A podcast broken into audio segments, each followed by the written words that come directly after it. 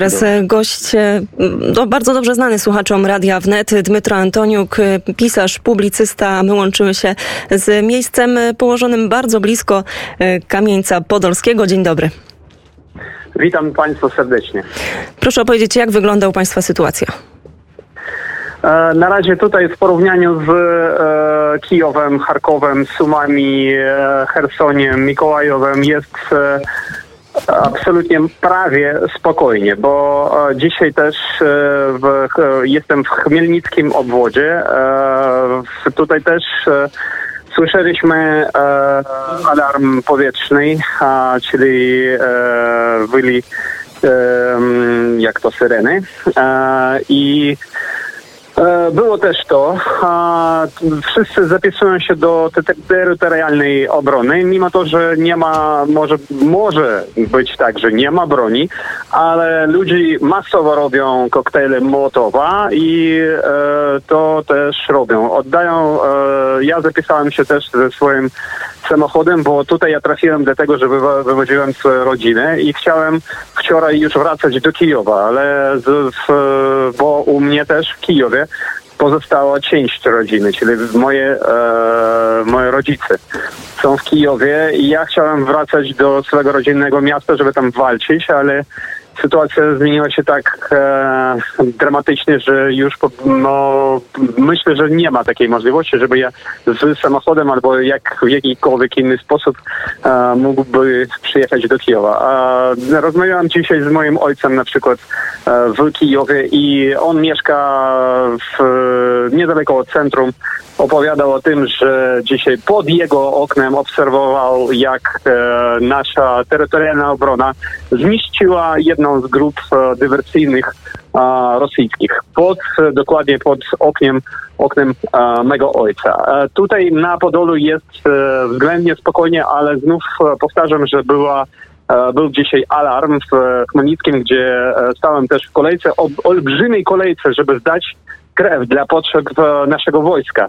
E, Kolejka była niesamowita. E, Wszyscy przychodzą, wszyscy oddają, wszyscy proponują na przykład też paliwo dla potrzeb szpitala i tak dalej, i tak dalej. Ja to, co zrozumiałem dzisiaj, to jest jedna myśl. Ja jestem dumny ze swojego narodu. Ja naprawdę jestem bardzo dumny z niego.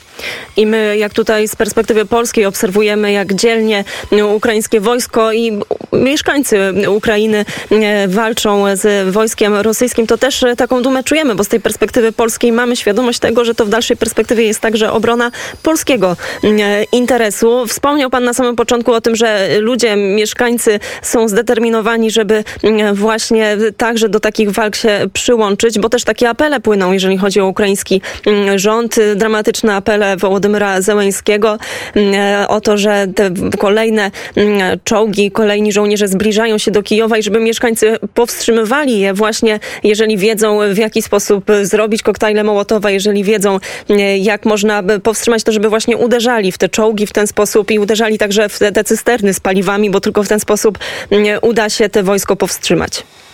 Tak, dokładnie. I na przykład też mam informację z mego rodzinnego Kijowa, gdzie e, też moi przyjaciele wstąpili do ław e, terytorialnej obrony, ale e, ludzi jest tam już tak dużo, że naprawdę po prostu nie ma jak rozdawać broń. Nie, nie ma po prostu ty, tyle broni, żeby dać jakiś tam automat każdemu.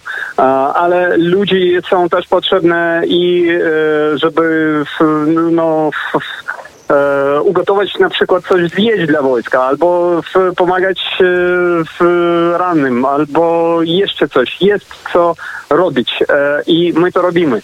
I w, mam nadzieję, że e, zrobimy to do naszego zwycięstwa.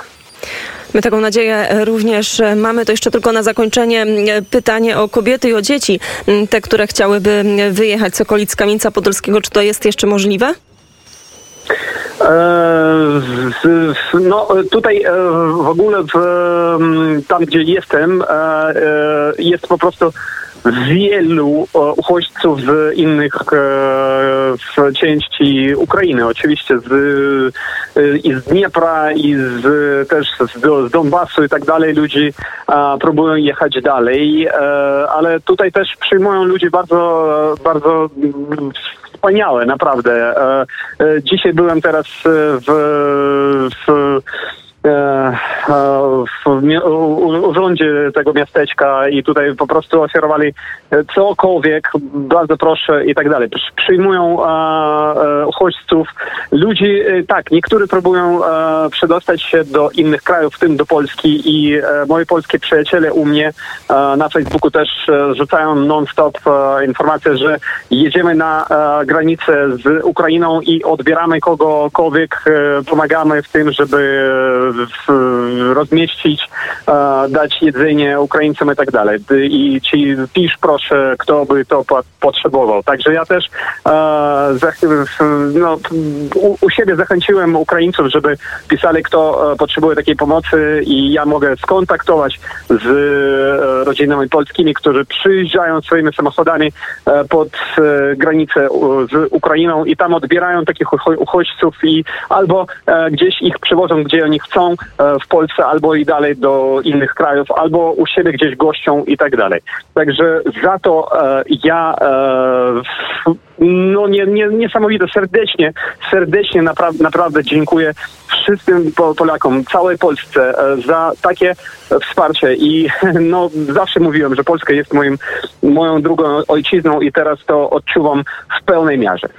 A my dziękujemy Ukraińcom za to, że tak dzielnie bronią swojego państwa przed e, agresją rosyjską. Dmytro Antoniuk, publicysta, dziennikarz. Prosto skąd jeszcze proszę powiedzieć?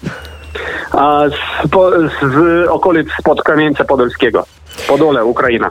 Z prosto e, z Podola. Bardzo serdecznie dziękujemy. To był Dmytro Antoniuk, a drodzy Państwo, teraz jeszcze mm, kilka informacji. Ministerstwo Obrony Rosji oświadczyło, że zapewnia bezpieczeństwo elektrowni atomowej w Czarnobylu wspólnie z Gwardią Narodową Ukrainy.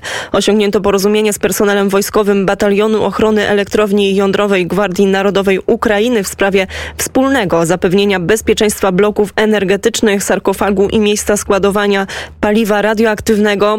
Personel mm, elektrowni jądrowej nadal monitoruje sytuację radioaktywną i utrzymuje elektrownię w normalnym trybie. Resort twierdzi, że wspólna ochrona elektrowni atomowej w Czarnobylu przez siły rosyjskie, mm, rosyjskich spadochroniarzy i ukraińskiego personelu wojskowego ma na celu zapobieganie mm, prowokacji nuklearnej. Jeszcze kilka danych statystycznych. Według ONZ co najmniej 100 tysięcy Ukraińców opuściło już swoje domy.